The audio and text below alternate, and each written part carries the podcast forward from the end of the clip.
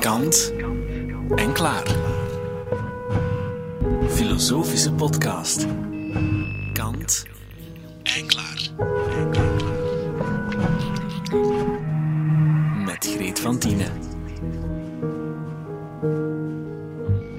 Welkom in dit laboratorium dat draait op de vier vragen die filosoof Immanuel Kant zo'n 250 jaar geleden voor ons uittekende. Wat kan ik weten? Wat moet ik doen? Wat kan ik hopen? En wat is de mens? Dat gaat over zowat alles waar we als mensen over kunnen nadenken. Want wat is filosofie anders dan je proberen te verhouden tot de werkelijkheid en daar vragen over te stellen? Over wat ver van ons is, de sterrenhemel, de kosmos en wat ons nabij is, de natuur, de lotgevallen van de mens en de dingen waartussen we leven. Een bevlogen kunstwetenschapper als Barbara Baart werkt met alle vier die vragen. Ze doseert aan de KU Leuven, doet onderzoek en schrijft, maar ze wilde liefst vertrekken vanuit die eerste, voor haar de centrale vraag: wat kunnen we weten? Ze behandelt die vraag vanuit haar vak, de kunstwetenschap, maar al snel zal duidelijk worden dat het hier ook gaat over wat wij zijn, wat de mens is en hoe we ons kunnen verhouden tot de wereld rond ons. Wat kan ik weten? Ja, die vraag gaat naar de hart van onze discipline, hè, naar de kunstwetenschappen. Het is zo dat de kunstwetenschappen, um, wat willen wij doen? Wij willen eigenlijk relevante taal hechten aan het beeld relevante wetenschappelijke taal hechten aan beeld, kunst en schoonheid. Dat geeft eigenlijk iets kwetsbaars. Toch is er onder de kunstwetenschappen een epistemologie, een systeem, een denken, wat wij doen, wat de mogelijkheden zijn en de limieten. En um, ja, die kwetsbaarheid, dat voel je ook soms bij de studenten. Zij moeten soms meer dan andere uh, richtingen thuis verdedigen dat zij, dat zij kunstwetenschappen willen, willen volgen. Ik Want voel dat ga je daarmee aanvangen? Ja, en ik los dat op in, in, het eerste college. Degenen die luisteren zullen zich dat herinneren. Hè. Ik zeg, jullie hebben fantastisch gekozen. Ik ga van jullie erudite mensen maken. En wij gaan van jullie weerbare mensen maken. En wij gaan van jullie uitklapbare mensen maken. Want wat kunnen wij weten? Eruditie, de kunstwetenschappen, moet in dialoog treden met de andere humane wetenschappen, met de filologie, met de literatuur, met de theologie, met de klassieke oudheid. Wij zullen nu weerbaar maken, omdat precies vanuit die uitklapbaarheid en die interdisciplinariteit wij kennis moeten nemen, weer kennis van verschillende methodologieën. En het tweede element, ik ben eigenlijk al lang aan het antwoorden, het tweede element van de vraag, waar, wat kan ik weten, is eerder historiografisch. Wanneer is het moment gekomen dat de kunstwetenschappen zich hebben ontvoogd en geëmancipeerd van een groep connoisseurs? Zeer zinvol, hè? Maar een groep van connoisseurs, kenners, die op, eh, door, op, op, als amateurs, letterlijk, als, als liefde voor het vakgebied, um, gingen bepalen wat schoonheid was en wat schoonheid niet was. Maar wanneer is het moment gekomen dat de kunstwetenschappen zoveel zelfvertrouwen kreeg dat zij kon aanvaarden: wij zijn een wetenschap apart. Dus wat kan ik weten? Is voor mij als kunstwetenschapster ook de zoektocht naar het moment dat deze vraag ontstond. En die vraag ontstond volgens mij ja, in een heel chic rijhuis rond 1900 in Hamburg. En dat huis bestaat nog en dat is nu het Warburghaus. Een instituut waar mensen samenkomen, collega's van mij, waar wordt nagedacht over deze vraag. Warburg. De naam is gevallen. Het gaat hier om het huis van kunstwetenschapper Abby Warburg. Een bankierszoon uit het fin de siècle die de kunstwetenschappen op zijn kop zette.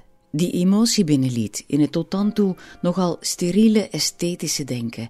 Hij zag kunstuitingen als beelden die reizen door de tijdperken en culturen heen. Warburg is een zachte revolutionair die Baart nog altijd blijft inspireren. Want soms word je zo aangesproken door het denksysteem van een ander dat je er zelf mee aan de slag gaat. Dat gaat over inspiratie en elkaar aansteken met verwondering. En het verhaal gaat, is geen anekdote, het is echt zo gebeurd. Dat Abby Warburg, die uh, geboren was in 1866 en gestorven in 1929, dat we weten welke periode wij nu aan het, aan het spreken zijn. Hè? Uh, dat was de oudste zoon en hij moest eigenlijk ja, hele bankwezen erven. Hij had daar helemaal geen zin in. Hij wilde kunstwetenschappen gaan studeren, dat toen een hele jonge discipline was. De ontvoogding had al plaatsgevonden. En hij zegt, ik wil dat niet doen. En hij zegt, de, de volgende in rij, Max, zijn broer, doe jij dat maar.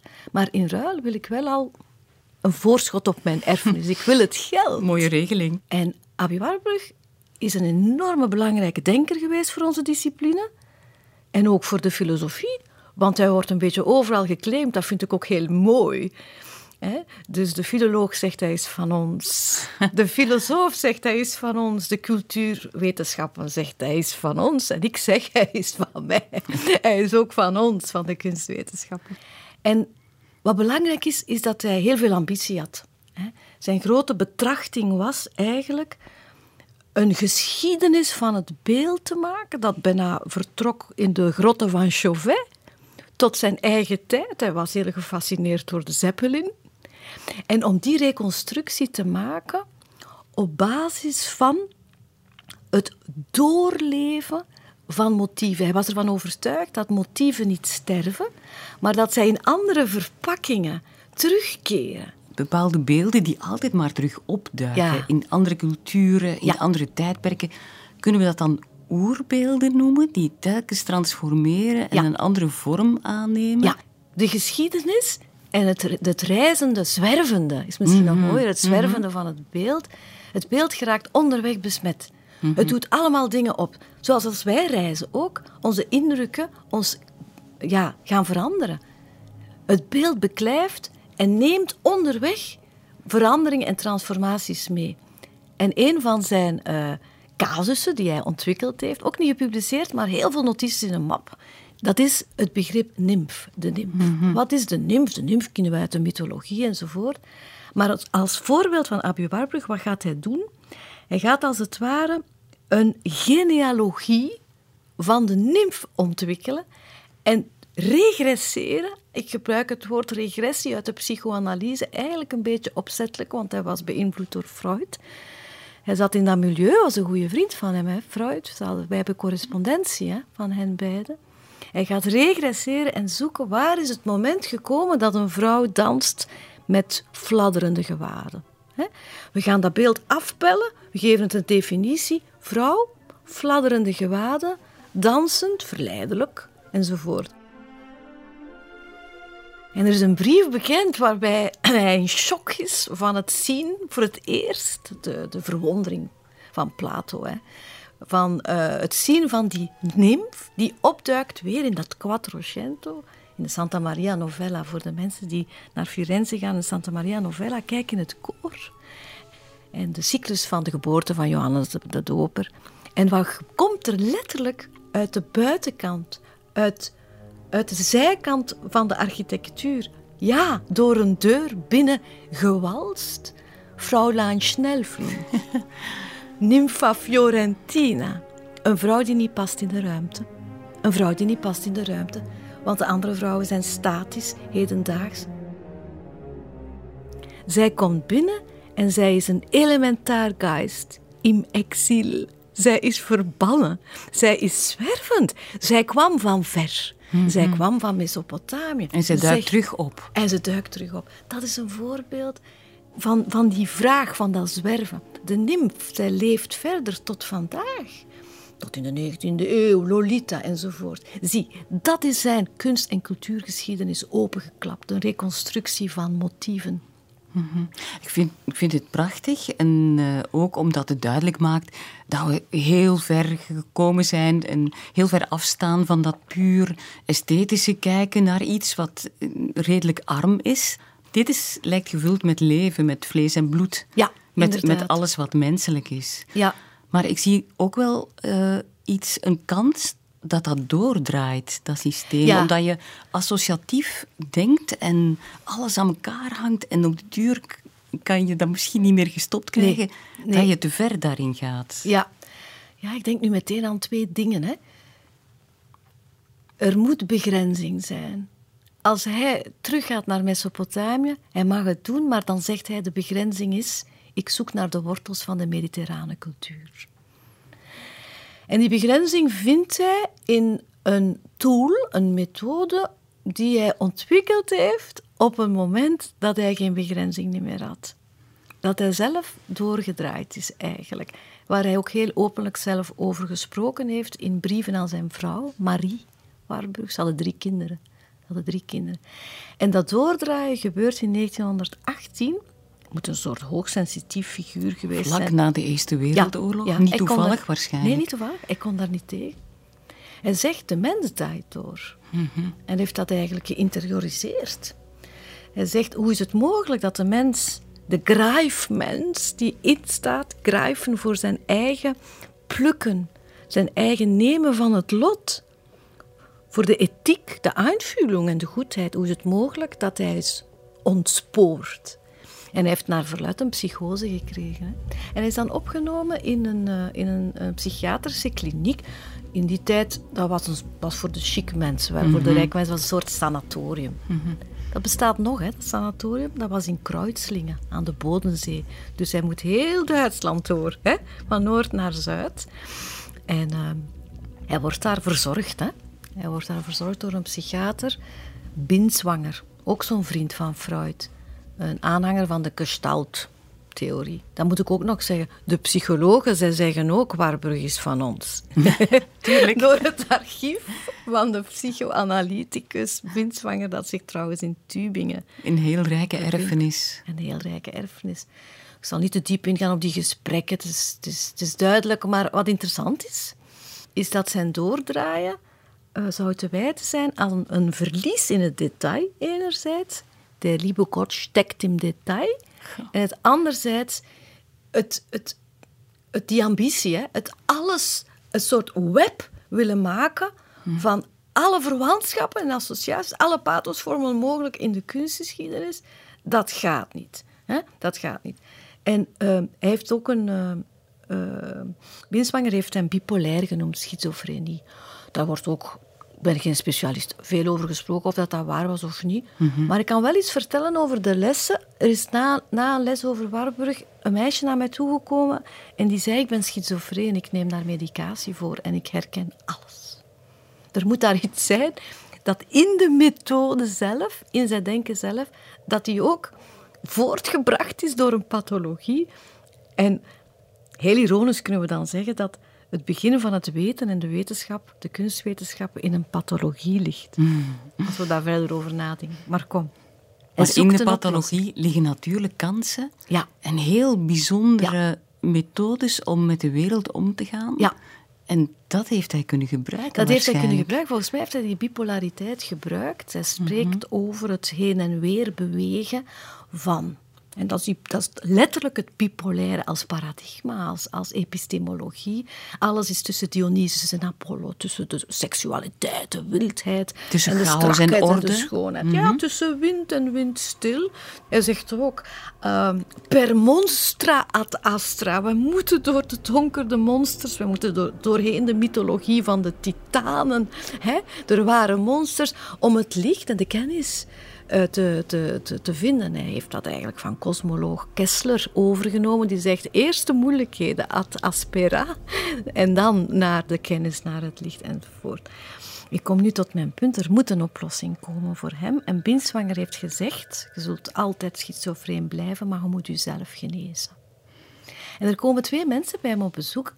Zijn vrouw ook, maar twee intellectuelen eh, waar hij mee bevriend was. En dat is eh, Ernst Cassirer, dat is de cultuurfilosoof. Hè? Dat past ook in ons programma, in ons gesprek.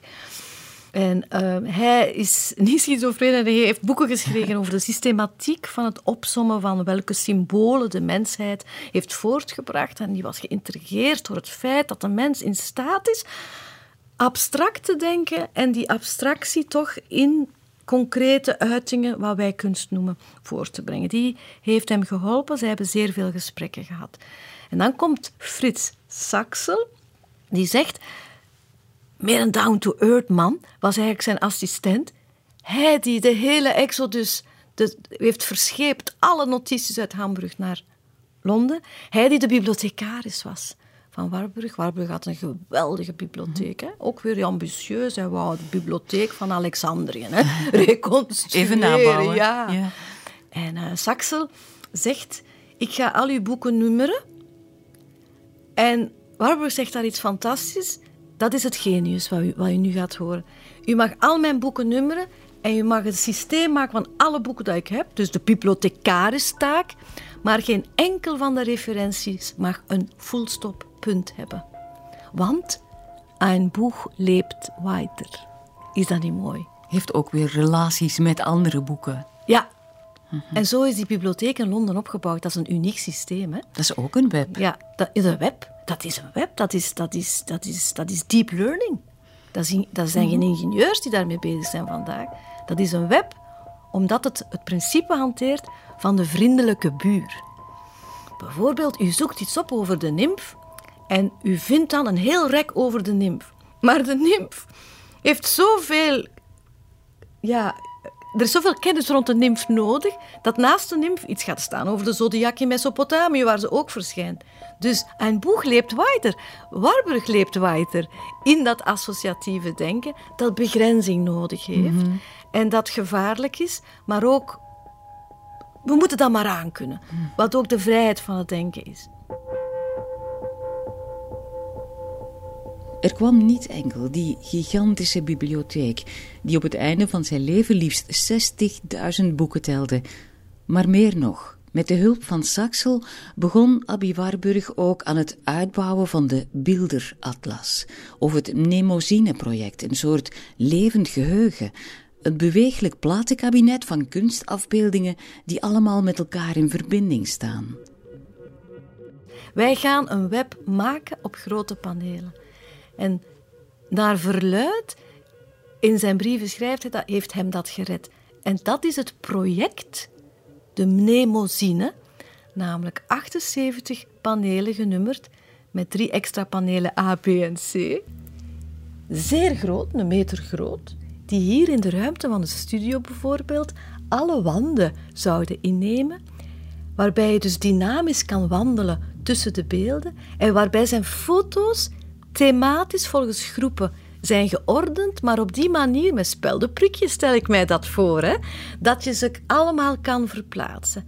En mnemosine, dat is het laatste waar ik over dat project en over die begrenzing. Dus de begrenzing is de oplossing van in de ruimte plaatsen van fotografie op panelen. Het echt voorstellen. Ja. Dat je die families kan zien. Families. En die zijn dynamisch, die wisselen uit. Dynamisch, dat is cinema. Hij spreekt over, over cycli in Ferrara. Niemand verstond wat dat was.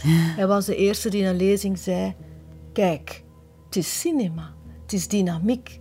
Je moet hier in deze ruimte wandelen. Het is performance. Het is zodiac. De mens kijkt naar boven. De vloek en de zegen. Naar boven kijken. We begrijpen niks van de wereld. Temmen, temmen. Onze angst temmen. Wat moeten we doen? We hebben de zodiac. We hebben het concrete het verschrikkelijke, het zwart van het heelal niet begrijpen, kunnen omzetten in symbool, symbolon en in concrete handelingen, zoals rieten. Maar ik moet nog zeggen dat Mnemosine de moeder is van alle muzes, dat is al mooi. Hij klapt alles uit, muziek, architectuur, beeldende kunst. Hij moet zo'n moeder hebben, hè, Abby Warburg. Maar zij vindt de taal uit. Mnemosine geeft alles een woord en spraak. Een naam. De hechting van taal en beeld Mhm. gebeurt als het ware in zijn grootste intimiteit in dat Mnemosine-project dat hem redt en hem begrenst. En eigenlijk ook een pedagogische tool wordt. Want als hij lezingen moet geven, gaat hij met zijn panelen rondreizen. En hij is altijd met u mee blijven reizen doorheen uw professionele leven. Hij zwerft eigenlijk met mij mee. Ja, dat is Ja. mooi. Dat is ook een oerbeeld bijna, Ja, dat altijd terug opduikt. Oh, dat is mooi zoals u dat zegt. Mocht er stilte mogelijk zijn in een podcast, dan zou die niet moeten komen. En heeft hij ook gevolg gehad in uw leven zelf? Zijn manier van kijken, zijn blik. Het heeft zeker mijn, mijn, eh, mijn kijken beïnvloed. Ik ben altijd iemand geweest die al, al van in het doctoraat, mijn promotor zei, oppassen hè Barbara. Oppassen bedoelde hij die begrenzing. Ik had toen al de honger om eh, naar andere disciplines te kijken, ook geschiedenis en cultuurgeschiedenis en, en, en filologie en de mythes enzovoort. Dus ik voelde mij thuis, hè, al snel, bij Abi Warburg en het, eh, het beïnvloedt mijn kijken zeker. Maar wat het ook gedaan heeft, is eh, mijn taal veranderd. Omdat, om zo te kijken, moet je durven, durven proza gebruiken. Het verdraagt geen harde taal, Abi Warburg. Het verdraagt het niet. En dus ben ik beginnen ja, oefenen bijna. Of iets in mij proberen aan te boren dat wetenschappelijke taal verbindt met proza Wat Barbara Baart samen met Warburg ook erg belangrijk vindt, is het ontwikkelen van zelfkennis, of sofrosine. Zelfkennis die zozeer doorwerkt dat ze tot meer evenwicht leidt. Die zelfkennis komt er pas na veel reflectie of praten met jezelf, zou Hannah Arendt zeggen. En vanuit die zelfkennis komt de begrenzing vanzelf. Iemand is meer voor het detail, voor de vorm, voor computational art history. Iemand anders zegt: Ik heb een talent om de dingen uit te klappen, om breed te kijken enzovoort. En die sofrosine, ja, bij Warburg is dat iets dat hij laat gekregen heeft in de laatste vier jaar. En je merkt dat, dat hij op een andere manier begint te werken en te schrijven. Dat hij, dat hij kalmer wordt, als het ware. Door die zelfkennis die hij door ontwikkelt. zelfkennis. Men Ja. spreekt werkelijk over de zelfgenezing van Abi Warburg. En die sofrosine, die zit ook in een heel mooi motto van hem. En dat motto is: Du lebst, aber tust mir nichts. Doe is het beeld. Dus je ziet hoe hij kijkt. Beelden zijn dynamogrammen, zegt hij ook. Die dynamiek, het levend zijn.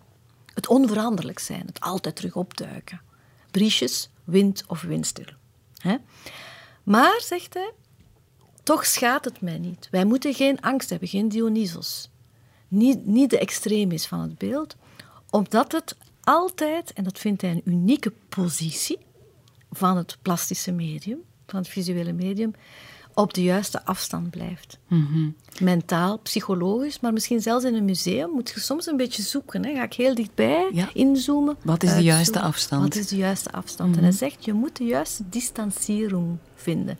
En daarin zit weer een kennismodel. Hè? Je moet met afstand naar de dingen kijken. Je mag je niet volledig vervloeien of versmelten. Dan, dan die versmelting... ehm, dat, dat, dat, dat is de nimf, dat is, dat, dat is die versmelting, dat is de, de, hermafrodiet. Dat is, Die dat eet is- je op. die eet je op. Dat is, iets, dat is ook een gevaar in relaties trouwens. Hè. Dat is ook een psychologisch iets. Hè. Ik moest net, net denken, Ja. dat is ook de houding misschien die je in het leven moet leren Ja, ontwikkelen. ja, ja. De distanciering is goed. De distanciering is gezond. Ja, de vervloeiing is ehm, angstaanjagend aantrekkelijk, maar ehm, komt niet een, een, een gezond weten uit voort, denk ik. En dus dat dat had hij heel snel van zichzelf door. Dat is sofrosine. Distanciering is nodig, de juiste afstand. Als ik dat vertel aan de studenten, die zijn altijd heel, ik heb daarover nagedacht, ontroerd over die zin. Ik, ik vraag niet waarom, eh, misschien iets uit hun eigen leven ook. Du lebst, aber tust mir nichts. Je bent er, ik herken dat je er bent. Ja. En ik verhoud mij tot jou of tot het beeld Ja. op een eh, juiste Ja, manier. ook op, het gaat ook over respect, hè? Ja, voor Ja. het beeld en Ja. voor jezelf. En voor uzelf. Mhm. Dat wou ik inderdaad nog toevoegen. U, u, u leest mijn gedachten, dat is heel bijzonder. dat die distanciering Mhm. in het beeld zit, maar ook natuurlijk in de wetenschapper, in de kunstwetenschapper die dat moet doen. En sommigen gaan heel ver. In hun distanciering. Die moeten van ver wuiven naar het beeld. En andere, ja, dat, kan, hè? Ja. ja. En er zijn er die helemaal in het beeld, uh, in een microwereld van het beeld kruipen. Dat is toch fantastisch. Dus die, dat laveren tussen macro en micro in onze discipline, dat is iets, dat is een choreografie. Dat is iets wat ik, um, waarvoor ik heel veel vreugde voel en liefde voor mijn vakgebied. Ik heb echt het juiste gekozen. Mm -hmm. ja. Mag ik u nog een grote vraag stellen? Een, grote vraag. Uh, hoe, hoe zou u uh, de rol die de kunsten kunnen spelen in ons leven, hoe zou u die verwoorden? Ja, wat heel snel komt dan is troost en emotie en zo mhm. wat het ook mm -hmm. is. Maar ik blijf wel een wetenschapster, dus ik vind het toch epistemologisch kennis, eruditie opbouwen, door naar kunst te kijken, begrijpen waar motieven en themata die drachtig zijn van, van emotie, die themata te begrijpen. Kijk, er, er is de dood en de liefde. Hè? Er is niet veel meer. Dat is wat ons triestig maakt of vreugde geeft enzovoort. En alles daartussen is de kunst om te proberen te begrijpen wat wij zijn, wie wij zijn als mens. En alles daartussen, dat was ook iets waar Abi Warburg over nadacht, maar ook Frits Saxel met zijn bibliotheek. En Ernst Cassirer en zelfs Panofsky. Alles daartussen is opera. Is de uil in de grot die echt bestaat. Het uiltje met, met vier vingers getekend in Chauvet. We wisten niet hoe dat getekend was, tot er een artiest ging kijken. Hoe heeft hij dat gedaan? Die prehistorische mens. En we hebben ontdekt dat het met zijn vier vingers was. Tjak, tjak, nu leeft je, zegt hij tegen de uil en hij vliegt weg. Zie, al die dingen, die zitten daar tussen.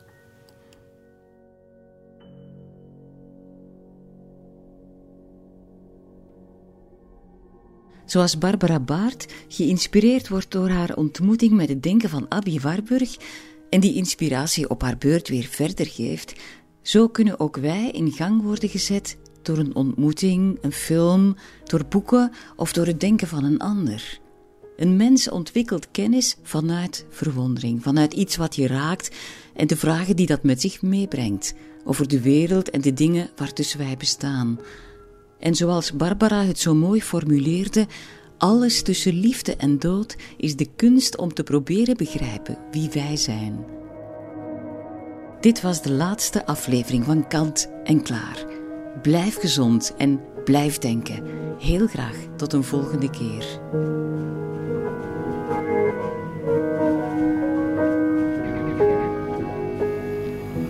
U luisterde naar Kant en Klaar.